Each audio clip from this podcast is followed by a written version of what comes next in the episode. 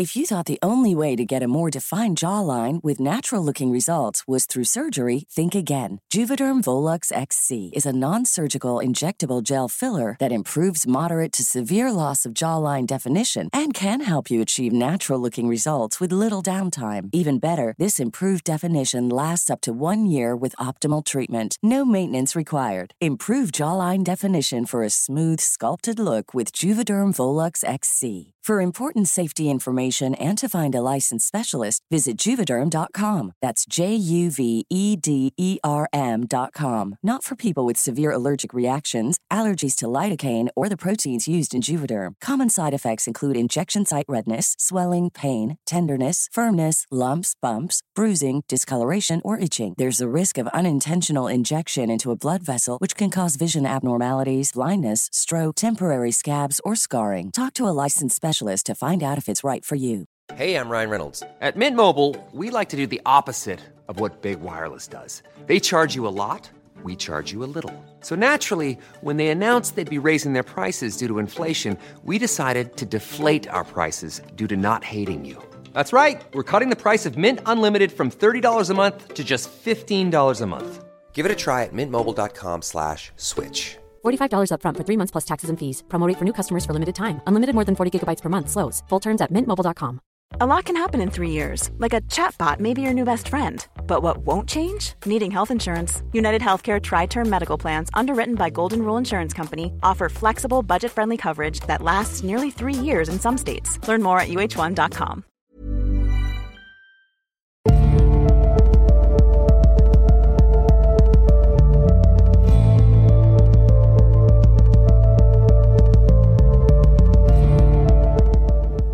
Hei og velkommen til Tåkeprat. Jeg heter Even, og når jeg tar opp denne episode 97, så er det søndag den 10. mars. På fredag var det kvinnedagen, og jeg må si at av alle disse markeringene vi har i løpet av året, hvorav mange av de er noe som har hostet opp av handelsstanden for å rake inn litt ekstra penger, så er nettopp kvinnedagen en dag jeg føler det er verdt å markere. Selv så er jeg ikke noe særlig til å gå i tog, og jeg markerer hele dagen på min egen måte gjerne må reflektere litt over rollen til kvinner både i dag og opp gjennom historien. Her i Tåkeprat så har vi sett litt på de ulike rollene kvinner i historien hadde. Fra historien om Vlad Tepers og Valakia, hvor kvinner omtrent hadde den samme statusen som kveg, til Jeanne d'Arcs og senere Solkongens Frankrike, hvor man kan lese mellom linjene at damene trakk i trådene og var viktige brikker i det storpolitiske maktspillet. Norge er et av de mest likestilte landene i verden. Og selv om det finnes en del forskjeller, kanskje spesielt mellom by og land, så syns jeg vi skal være stolte av å være et foregangsland når det gjelder likhet mellom kjønnene i 2019. Nå er jeg ikke akkurat noen ekspert på kjønnshistorie, men jeg sitter med en følelse av at dette er noe som skyldes kvinners rolle og status i samfunnet vårt tilbake til norrøn tid. Dessverre så er det steder i verden der dette ikke er tilfellet. Og jeg kan ikke akkurat si jeg tar av meg hatten for land som Saudi-Arabia, hvor kvinner først fikk lov til å kjøre bil i fjor. Og jeg er heller ikke et superfan av kulturer der kvinner må kle seg ut som birøktere for å kunne gå utendørs, eller der de anses som mannens eiendom. Så 8. mars er en dag jeg syns det er verdt å markere. For er det noe som er verdt å feire, så er det nettopp dere damer. For en kjedelig verden det hadde vært uten dere. Men nå skal vi ta fatt på dagens episode. I denne delen av historien dukker altså Elron Hubbard opp. Scientologikirken er på mange måter en arketypisk kult, og Hubbard en arketypisk kultleder. Jeg er litt usikker på om jeg kommer til å dekke denne bevegelsen i tåkeprat, siden den har blitt så til de grader godt dokumentert, ikke bare i andre podcaster, men også i dokumentarfilmer som Going Clear og Louis Theroux's My Scientology Movie. Det som jo er litt utrolig, er at syntologikirken fremdeles holder koken etter alle avsløringene, og de holder det til og med fortsatt gående i Norge. Hovedkvarteret deres ligger i Oslo, og en kjapp kikk på nettsidene gjør at jeg i tillegg til å synes at den trenger en språkvask, nå vet at det er mulig å få tak i Hubbards hovedverk, Dianetikk, i paperback-utgave på norsk for 150 kroner. Det er kanskje litt tidlig å komme med julegavetips i mars, men der har dere et uansett. I denne episoden skal jeg se litt nærmere på den kanskje mest omtalte delen av livet til Jack Parsons, nemlig hans Babalon-arbeidet. og jeg føler at denne delen av historien gir grobunn til Crowleys omtale av Parsons som ung og naiv.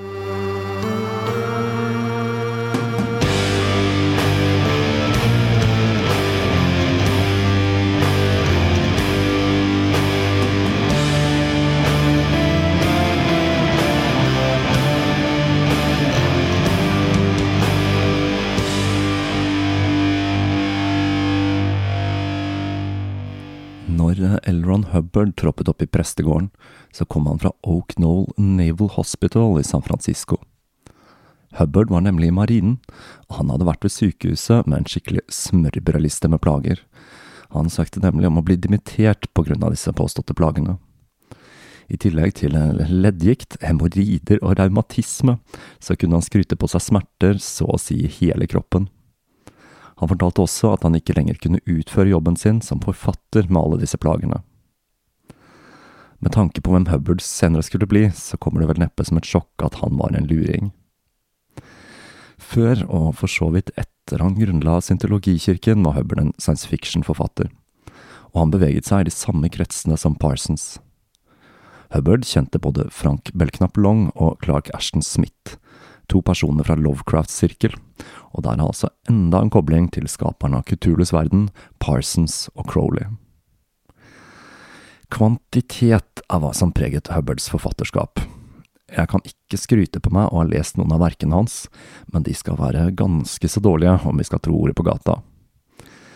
Han var utrolig effektiv til å skrive, og Elron Hubbard har faktisk verdensrekorden i å publisere flest verker. Totalt så produserte han 1084 separate verker, inkludert noveller og romaner. I september 1945 så dro Hubbard tilbake til sykehuset, denne gangen for å sikre seg en militær pensjon. Nå kom han med en ny tirade med diverse sykdommer og skader han skulle ha pådratt seg, blant annet malaria.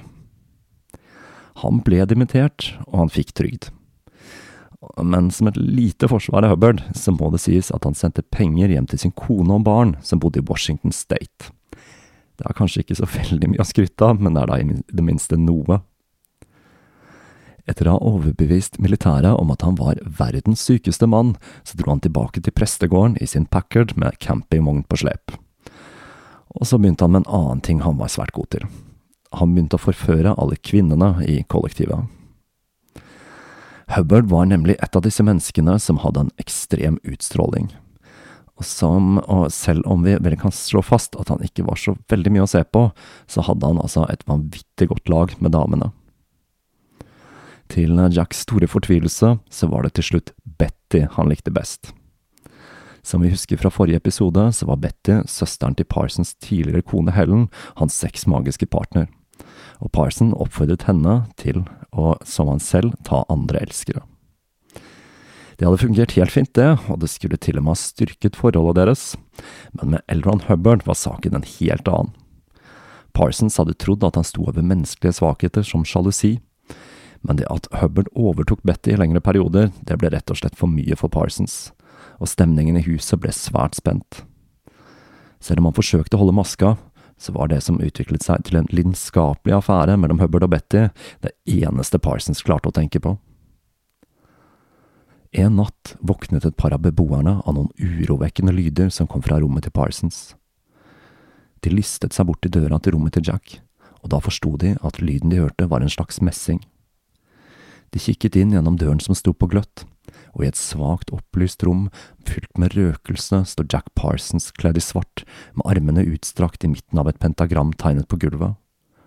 Han sto med ryggen mot døra, og foran han var et alter med flere gjenstander de ikke klarte å identifisere i den dunkle belysningen. Stemmen hans messet uforståelige ord med en ekstrem intensitet, og selv om de ikke forsto hva han sa, så var betydningen til det hele åpenbar.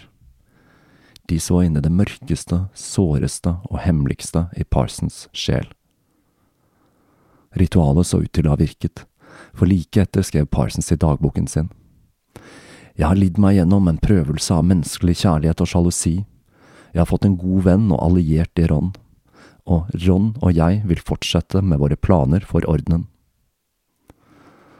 Den 4. januar 1946 skrev han et brev til Crowley, der han skrev at han hadde møtt Hubbard, en forfatter oppdager. Han skriver at han har ærlige og intelligente øyne, og at han var den mest telemiske personen han noen gang hadde møtt. I tillegg får vi innblikk i noen av visjonene Hubbard fortalte Parsons om. De skal vi få plenty av senere, men i brevet til Crowley så skrev han blant annet at Hubbard har en hellig skytsengel som er en rødhåret kvinne han kaller keiserinnen. Hubbard gjorde et enormt inntrykk på Parsons. Her kan vi igjen tenke på Crowleys vurdering av Parsons som ung og naiv. Så voldsomt inntrykk gjorde han at Parsons hadde røpet noen av hemmelighetene til de høyere gradene i OTO, grader han selv ikke hadde. Men han hadde tilgang til litteraturen. Nå skulle Parsons begynne å eksperimentere med nettopp disse ritualene knyttet til de høyere gradene. En av tingene han var veldig opptatt av, og som jeg nevnte i forrige episode, var å påkalle elementkrefter. Dette er åndsvesener assosiert med de klassiske fire elementene luft, ild, vann og jord. Ifølge Crowley så krever påkallelsen av disse den typen energi som genereres i et åttende grads rite, noe som involverer solosexmagi, eller det vil si onani. Og den typen lavere åndsvesener som et elementærvesen er, er også forbundet med en viss risiko for utøveren og kan være vanskelig å kontrollere.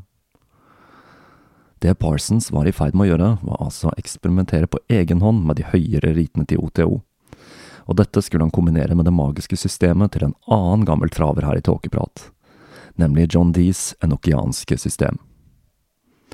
Historien om John Dee er en jeg dekket i serien om Voynich-manuskriptet, men her er et raskt sammendrag for de av dere som ikke har hørt den serien. John Dee var astrologen til dronning Elisabeth den første. Han var en svært lærd mann, og ble sagt å ha det største biblioteket i England. Han var en skikkelig tusenkunstner, og hadde utstrakt kunnskap innen en rekke felt, som matematikk, navigasjon, optikk, kartografi og astronomi. John Dee ble etter hvert mer og mer fortvilet over at han ikke så ut til å kunne lære mer om naturen med vitenskapelige metoder, og han begynte å se etter alternative løsninger for å avsløre naturen og universets hemmeligheter. I håp om at de kunne hjelpe han med det, så fikk de tak i flere shoestones jeg vet ikke om vi har noe godt norsk ord for dette, men dette dreier seg om krystallkuler, spådomspeil osv. Men uansett hvor mye de forsøkte, så fikk han ingenting ut av disse. Men så dukket en fyr opp, Edward Kelly. Kelly hadde rykte som en alkymist, og han hevdet at han kunne få gjenstandene til å virke. Det som er skikkelig snodig med denne historien, er at Kelly hadde fått begge ørene skåret av tidligere, som straff for svindel. Men av en eller annen grunn så fikk ikke dette varsellampene til John D til å lyse. De var tross alt en smart fyr, så enten så var Kelly ekstremt sjarmerende og John D veldig desperat, eller så var det noe mer med Kelly. Vi kan jo bare spekulere i hva som gjorde at de bestemte seg for at det var verdt å stole på denne øreløse alkymisten. Med Kellys hjelp så transkriberte de to englespråket, eller enokiansk, og de fikk diktert 30 påkallelser, eller etyrer, fra vesenene på den andre siden av speilet. Arbeidet til Dee og Kelly er veldig spennende og en komplisert affære. Enokiansk magi er ikke noe jeg har tenkt å dykke dypere ned i i denne serien. Som rakettforskning så går jeg ut ifra at de av dere som har en dyptpløyende interesse av dette, allerede vet mer om dette emnet enn hva som er egnet som podkastmateriale.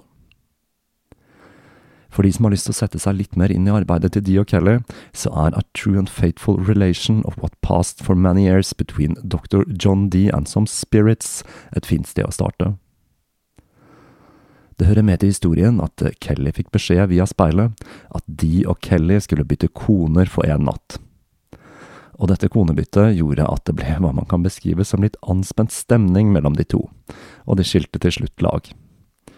Dees kone skulle senere føde en sønn, som mest sannsynlig var Kellys. Det gikk ikke så veldig bra med Edward Kelly. Han slo seg opp og frem som en alkymist ved hoffene i Europa, men når han ikke lyktes med å produsere gull slik han hadde lovet, så ble han til slutt fengslet, han ble drept når han forsøkte å rømme i 1597. John Dee skulle tilbringe de siste årene av sitt liv i fattigdom før sin død i 1608, og det skulle gå hele 200 år før man oppdaget dagboken hans. Det er flere ting som er spennende med Dee og Kelly med tanke på Parsons. For det første så er det en slående likhet mellom forholdet mellom Dee og Kelly og forholdet mellom Parsons og Hubbard. For det andre så dukker det opp en spennende referanse i en av korrespondansene Dee og Kelly hadde med åndeverdenen. Mens Kelly leste fra den sjuende etyren, så dukker følgende strofe opp. Mitt selskap er harmonien til mange symboler, og leppene mine er søtere enn livet selv. Jeg er en skjøge for de som tar meg, og en jomfru for de som ikke kjenner meg. Ordet for skjøge på enokiansk er nemlig babalond, altså babalon med en ekstra d til slutt. I tillegg så dukker ordet babalon opp, skrevet som Crowley gjør det, og det er det enokianske ordet for ond eller slem. Babylon er en sentral telemisk gudinne Crowley først støtte på når han leste Johannes' åpenbaring i sin barndom. Det er også fra den han fikk ideen om å omtale seg selv som det store udyret, etter moren hans hadde sammenlignet han med udyret i åpenbaringen. Kvinnen var kledd i purpur og skarlagen, og smykket med gull og edelstener og perler. I sin hånd hadde hun et gullbeger, fylt av styggedom og hennes horelivs urenheter. På hennes panne var skrevet et navn, en hemmelighet. Babylon, den store, mor til skjøgene og til stygghetene på jorden.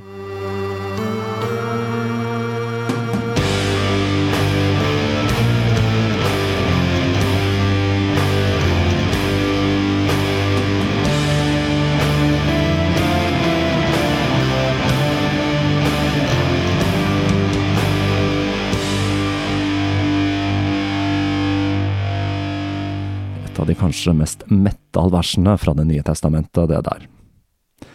Det greske navnet Babylon kommer fra det semittiske Babel, som betyr porten til Gud, og et begrep som helt klart kan tolkes med seksuelt ladede undertoner. Crowley stavet Babylon Babalon, slik at ordet fikk den numerologiske verdien 156, en verdi som korresponderer med attributtene Crowley tilla gudinnen. Babalon er gudinnen for blant annet dyrisk kvinnelig seksualitet, og Crowley mente de ulike skarlagenskvinnene han var med, som Leila Vadel og Lea Hirsig, var avatarer av denne gudinnen. Parsons skulle nå forsøke å gå i sin mesters fotspor ved å kombinere enokiansk magi med OTO-systemene. I tillegg hadde Parsons etter skilsmissen fra Helen begynt å eksperimentere med ulike rusmidler, akkurat som Crowley. Her er jeg litt usikker på hvilke dette dreier seg om, men om vi skal gå ut ifra diktene til Parsons, så sto iallfall alkohol og cannabis på menyen. Det er også lett å tenke seg at han fant inspirasjon i Crowley, og at kokain og opiater også var i bruk i ritene hans. Helen sa at hun hadde fortsatt å følge stien til hvit magi, mens Jack valgte en annen og mørkere vei. Han begynte serien med ritualer den 4. januar 1946, med Elron Hubbard som hjelper. Målet med denne første serien med riter var å påkalle en elementærånd. Serien med ritualer Parsons utførte er svært omfattende, og jeg kommer ikke til å gå gjennom de i detalj her, men for de som er interessert i den slags, så er en god del av dokumentene publisert fra hva som senere skulle bli kjent som Babalon-arbeidet til Parsons. Den 5. januar begynte merkelige ting å skje. Mens Parsons jobbet med luftengelen Exarp, begynte det plutselig å blåse opp til storm, og den fortsatte mens ritet skred fram til den sjette. Den 7. januar begynte vinden å løye, og Parsons bestemte seg for at det var passende med litt musikk til arbeidet, og han spilte Prokofjevs fiolinkonsert nummer to i bakgrunnen. Den 8. januar påkalte han ved hjelp av blod, og om jeg ikke leser helt feil mellom linjene til Parsons beskrivelser, så gjorde han dette ved å smøre blod på penis. Den påfølgende dagen, 9. januar, brukte han sexmagi, onani, til å påkalle. Dette gjorde han da med Elron Hubbard til stede. Det danner jo et litt sånn fint bilde på netthinnen. Etter to påkallelser den 10. januar bråvåknet han midnatt av ni høye, uforklarlige dunk. Og da han sto opp for å sjekke hva som foregikk, så han at en lampe hadde falt over ende og blitt knust. Ting begynte altså å ta av litt. Neste dag begynte det å blåse opp igjen, og på den nest siste dagen, den 14. januar, så gikk Hey, I'm Ryan Reynolds. Recently, I asked Mint Mobile's legal team if big wireless companies are allowed to raise prices due to inflation. They said yes. And then when I asked if raising prices technically violates those onerous two year contracts, they said, What the f are you talking about, you insane Hollywood ass? F- So to recap, we're cutting the price of Mint Unlimited from $30 a month to just $15 a month. Give it a try at mintmobile.com slash switch. $45 upfront for three months plus taxes and fees. Promo rate for new customers for limited time. Unlimited more than 40 gigabytes per month. Slows. Full terms at mintmobile.com. How would you like to look five years younger? In a clinical study, people that had volume added with Juvederm Voluma XC in the cheeks perceived themselves as looking five years younger at six months after treatment. Look younger, feel like you. Add volume for lift and contour in the cheeks with Juvederm Voluma XC. Reverse signs of aging by adding volume to smooth laugh lines with Juvederm Volure XC. For important safety information and to find a licensed specialist, visit juvederm.com. That's J U V E D E R M.com. Not for people with severe allergic reactions, allergies to lidocaine, or the proteins used in Juvederm. Common side effects include injection site redness, swelling, pain, tenderness, firmness, lumps, bumps, bruising, discoloration, or itching. There's a risk of unintentional injection into a blood vessel, which can cause vision abnormalities, blindness, stroke, temporary scabs, or scarring. Talk to a licensed specialist to find out if it's right for you. strømmen. Når Hubbard gikk gjennom kjøkkenet med et stearinlys, ble han plutselig slått i den høyre skulderen, og han mistet lyset han bar på. Hubbard ropte på Parsons, som til sin forskrekkelse så et brungult lys ca. to meter høyt som svevde på kjøkkenet.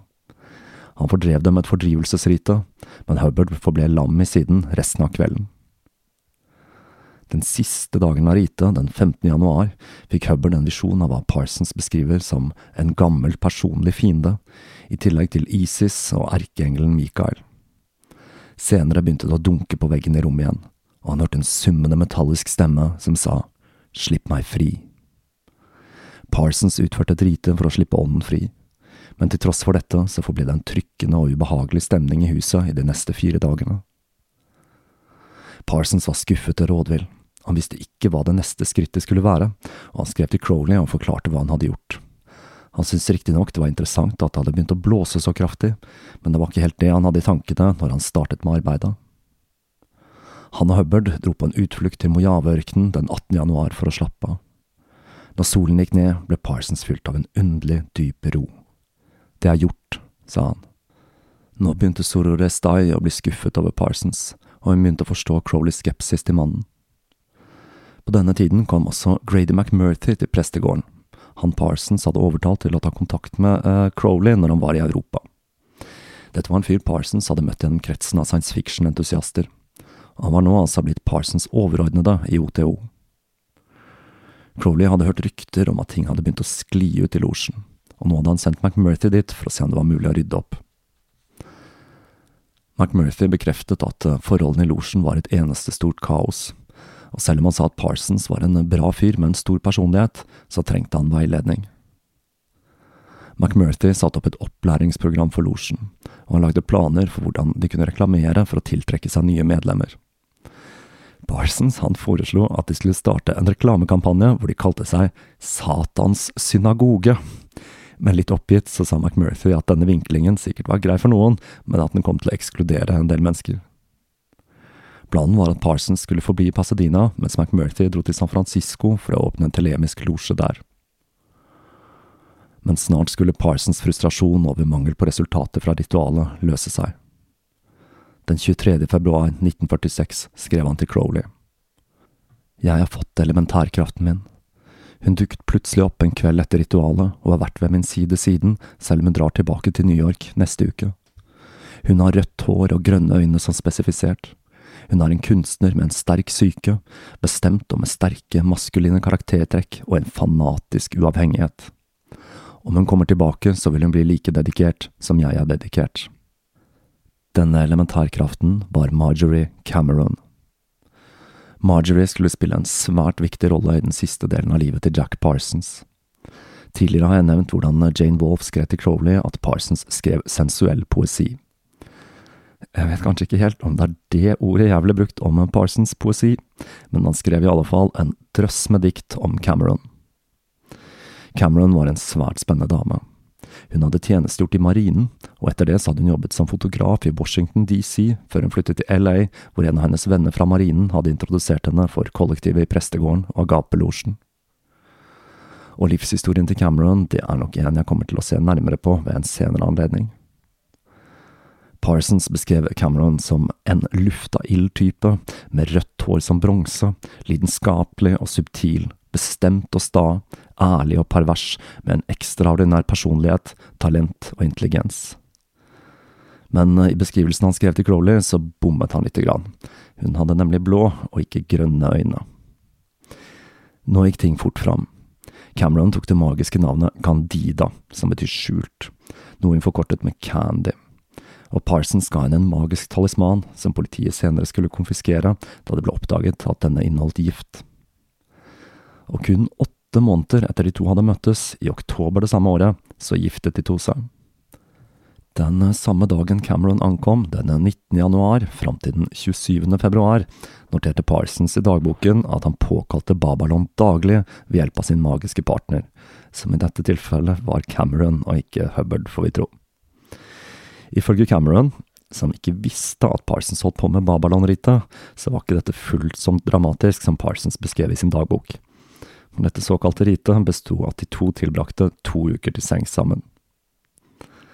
Den 27. så dro Cameron tilbake til New York for å slå opp med kjæresten hun hadde der.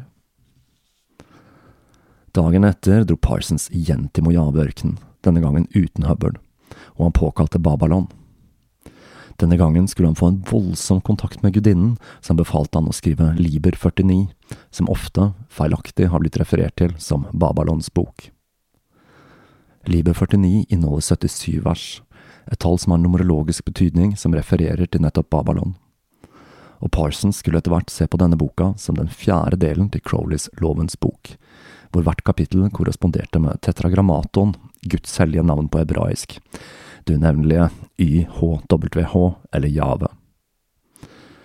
Parsons skulle også ta budskapet i Libe 49 som en bekreftelse på at målet med Babylon-ritualet var å skape et magisk barn.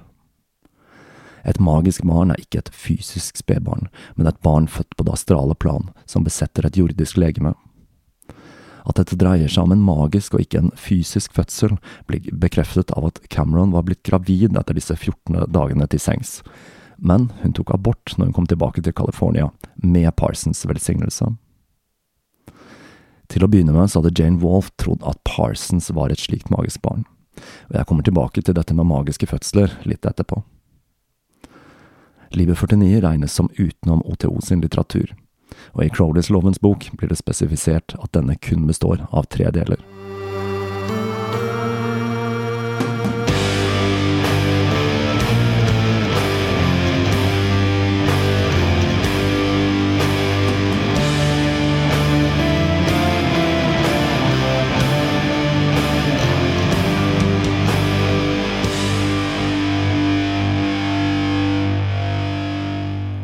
Mars 1946 kom Cameron tilbake fra New York, og hun flyttet inn til Parsons. Men selv om hun var en sentral del av Babylon-ritet, så var hun selv ikke klar over dette. Her er det litt motstridende historier om hvorfor hun ikke ble fortalt dette. Parsons skrev at han ikke visste hvem Babylon var inkarnert i, mens Cameron hevdet at han hadde blitt advart om ikke å fortelle at det var henne når han hadde blitt gitt Liber 49 i ørkenen og at hun skulle bli gitt et tegn som skulle bevise for Parsons at hun var Skarlagenskvinnen. Og dette tegnet, det var, nå må dere holde dere fast, fordi dette begynner nesten å bli spooky, jeg sa vel at 2019 er et år preget av ufoer, for tegnet Cameron fikk, var at hun så en sigarformet, sølvfarget ufo. Parsons fortsatte ritualet med de nye instruksjonene. Og så dukket Hubbard opp igjen etter å ha vært borte noen dager og han fortalte at han hadde hatt en kraftig visjon av en vill og vakker naken kvinne som red på et kattedyr. De gjorde seg klare til å motta en serie med visjoner, eller rettere sagt, at Hubbard skulle motta en serie med visjoner. Hubbard kledde seg i hvite rober og bar en lampe, mens Parsons kledde seg i svarte og med beger og dolk. I bakgrunnen spilte de Rakhmaninov, og de satte opp en båndopptaker som kunne ta opp eventuelle lyder. Som et merkelig ekko av John D og Edward Kelly, så var det Parsons som tok notater, mens Hubbard så inn i etyren. Om lydopptaket fremdeles eksisterer er usikkert, men transkripsjonen av ritet fins enda. Jeg har ikke tenkt å lese hele her, men her er et par smakebiter. Det er altså Babalon som snakker igjennom Hubbard. Året er 4063. Vær varsom med bruk av vanhellige ritualer. Hun er livets flamme, makten til mørket. Hun ødelegger med et blikk, hun kan ta sjelen din, hun livnærer seg på menneskenes død. Vakker, forferdelig. Lag en boks av mørke klokken ti. Smør inn beholderen som inneholder flamme med ditt eget blod. Ødelegg en ting av verdi på alteret. Forbli i stillhet og hør på stemmen til vår kvinne. Snakk ikke om dette ritualet eller hennes komme til noen. Om du blir spurt, svar på en måte som ikke virker mistenksom. Når ritet var over, satte Parsons straks i gang med å gjennomføre instruksjonene han var blitt gitt. Dette nye, nye ritet det var et han skulle gjennomføre med Cameron som sin magiske partner. Som nevnt flere ganger i denne serien, så skal jeg ikke ta livet av dere med detaljer om ritualene til Parsons, men to elementer kan være verdt å nevne. Beholderen som skulle smøres inn med Parsons eget blod, beholderen som inneholdt flamme, dreide seg mest sannsynlig om Cameron. Som vi husker, som mente Parsons at Cameron var ille-elementet han hadde påkalt.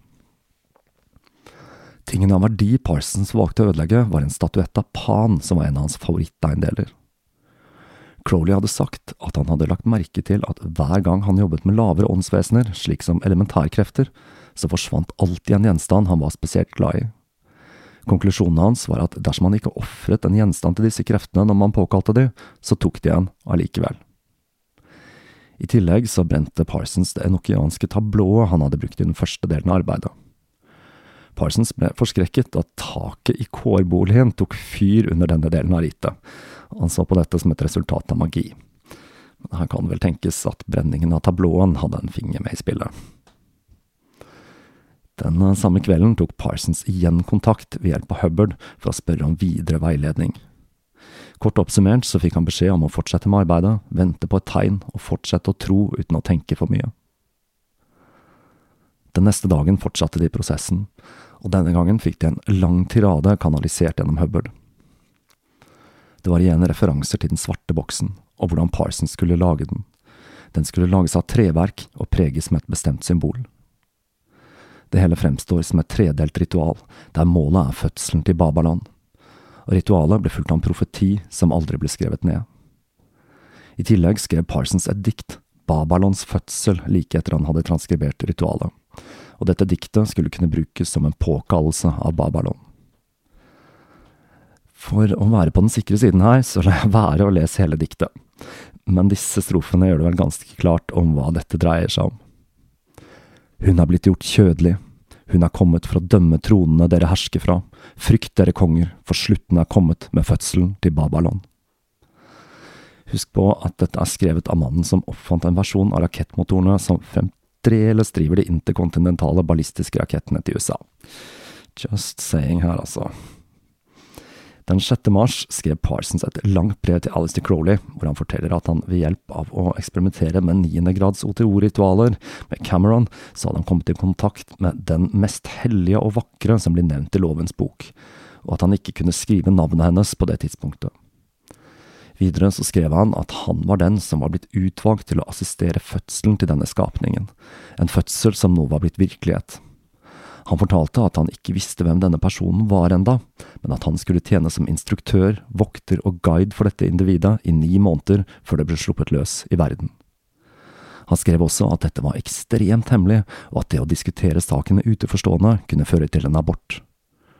I tillegg så skrev han at det ikke var noen personlig fare for ham, Crowley advarte Parsons i et brev datert den 15. mars om at han kunne bli ubalansert fordi han var så sensitiv, og at han hadde forpliktelse overfor de menneskene han hadde rundt seg, og til eden han hadde sverget. Crowleys bange anelser om at Parsons personlighet kunne bli en utfordring, så altså ut til å gå i oppfyllelse. Den samme dagen Crowley skrev brevet til Parsons, skrev Parsons enda et brev til Crowley, hvor han formelt overlot driften av gapelosjen til Roy Leffingwell, sånn at han kunne konsentrere seg fullt og helt om det nye arbeidet. Parsons virket helt besatt. Og Crowley, som var syk og gikk på heroin på denne tiden, som han hadde fått av legen sin mot astma, ble mer og mer bekymret for de ville påstandene til Parsons. Og den 19. april så skrev han at han ikke kunne begripe alt dette pratet om elementærkrefter og alt hemmelighetskremmeriet. Til Carl Germer så skrev han at Parsons og antageligvis Hubbard forsøkte å skape et månebarn, og han ble utrolig frustrert over idiotien til de to. Eller for å sitere han verbatim, the idiocy of these goats. Målet med Parsons-ritualet var altså å føde et månebarn, og dette månebarnet skulle være en måte å inkarnere Babylon inn i vår verden på. Dette dreier seg altså om en slags astral fødsel og ikke en fysisk fødsel. Den ideen er eldgammel og finnes i flere ulike mytologier og kulturer. Det første eksempelet jeg kommer på, det må jo være startskuddet for kristendommen, med Jesu fødsel. Jesus var et aspekt av Gud født i menneskekropp, ifølge kristendommen. Selv om han riktignok ble født som spedbarn og ikke inkarnert i en voksen kropp, så har dette i stor grad det samme prinsippet. Et annet veldig kjent eksempel på en type magisk barn er Krishnamurti, som var en indisk gutt teosofene mente var den nye Messias. De anså han for å være kroppen som skulle motta en ny verdensleder. Men Krishnamurti forlot etter hvert teosofene og startet sin egen bevegelse, og det er enda en av disse spennende historiene jeg nok må kikke litt nærmere på etter hvert. Parsons var inspirert av Crowleys egne skriverier om fenomenet. I De arte magica beskriver Crowley hvordan en magiker kan manifestere ulike elementærkrefter på det jordiske plan med en magisk fødsel. Og ikke minst så beskriver Crowley denne prosessen i sin roman Månebarn. Parsons forsøkte altså å skape en telemisk Messias, og dette skulle være en kvinne, en kvinne som skulle lede verden inn i en ny tidsalder og han førte meg i ånden ut i ørkenen. Der så jeg en kvinne sitte på et skarlagensrødt dyr, som var fullt av spottenavn. Dyret hadde sju hoder og ti horn.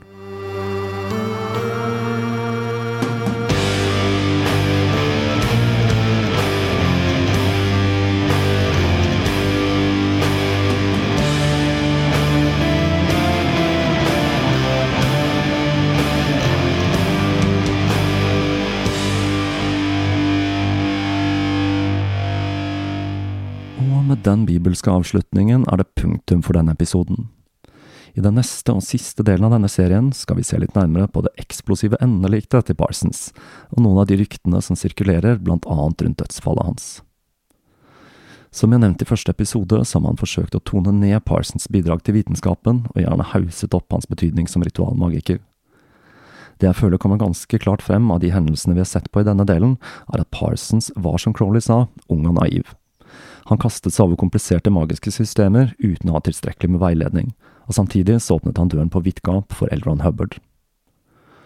Det er altså også en merkelig parallell med denne historien og fortellingen om Dee og Kelly. Og det at Parsons brukte det enokianske systemet, gjør jo at han burde kjent til historien til de to, og kanskje sett den sammenhengen selv.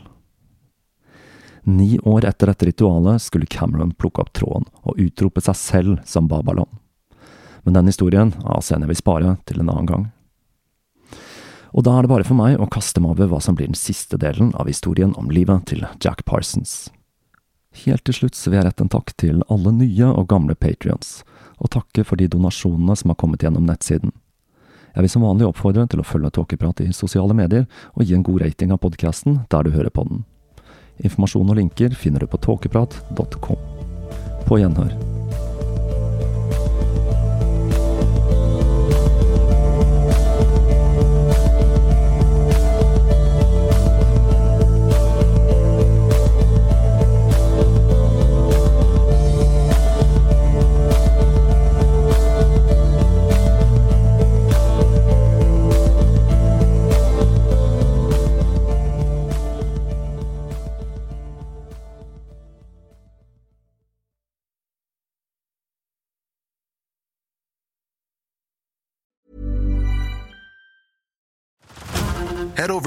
This March, where our new shows and movies will keep you streaming all month long. Catch the award winning movie Poor Things, starring Emma Stone, Mark Ruffalo, and Willem Dafoe. Check out the new documentary, Freaknik The Wildest Party Never Told, about the iconic Atlanta Street Party. And don't miss FX's Shogun, a reimagining of the epic tale, starring Anna Sawai. So, what are you waiting for? Go stream something new on Hulu.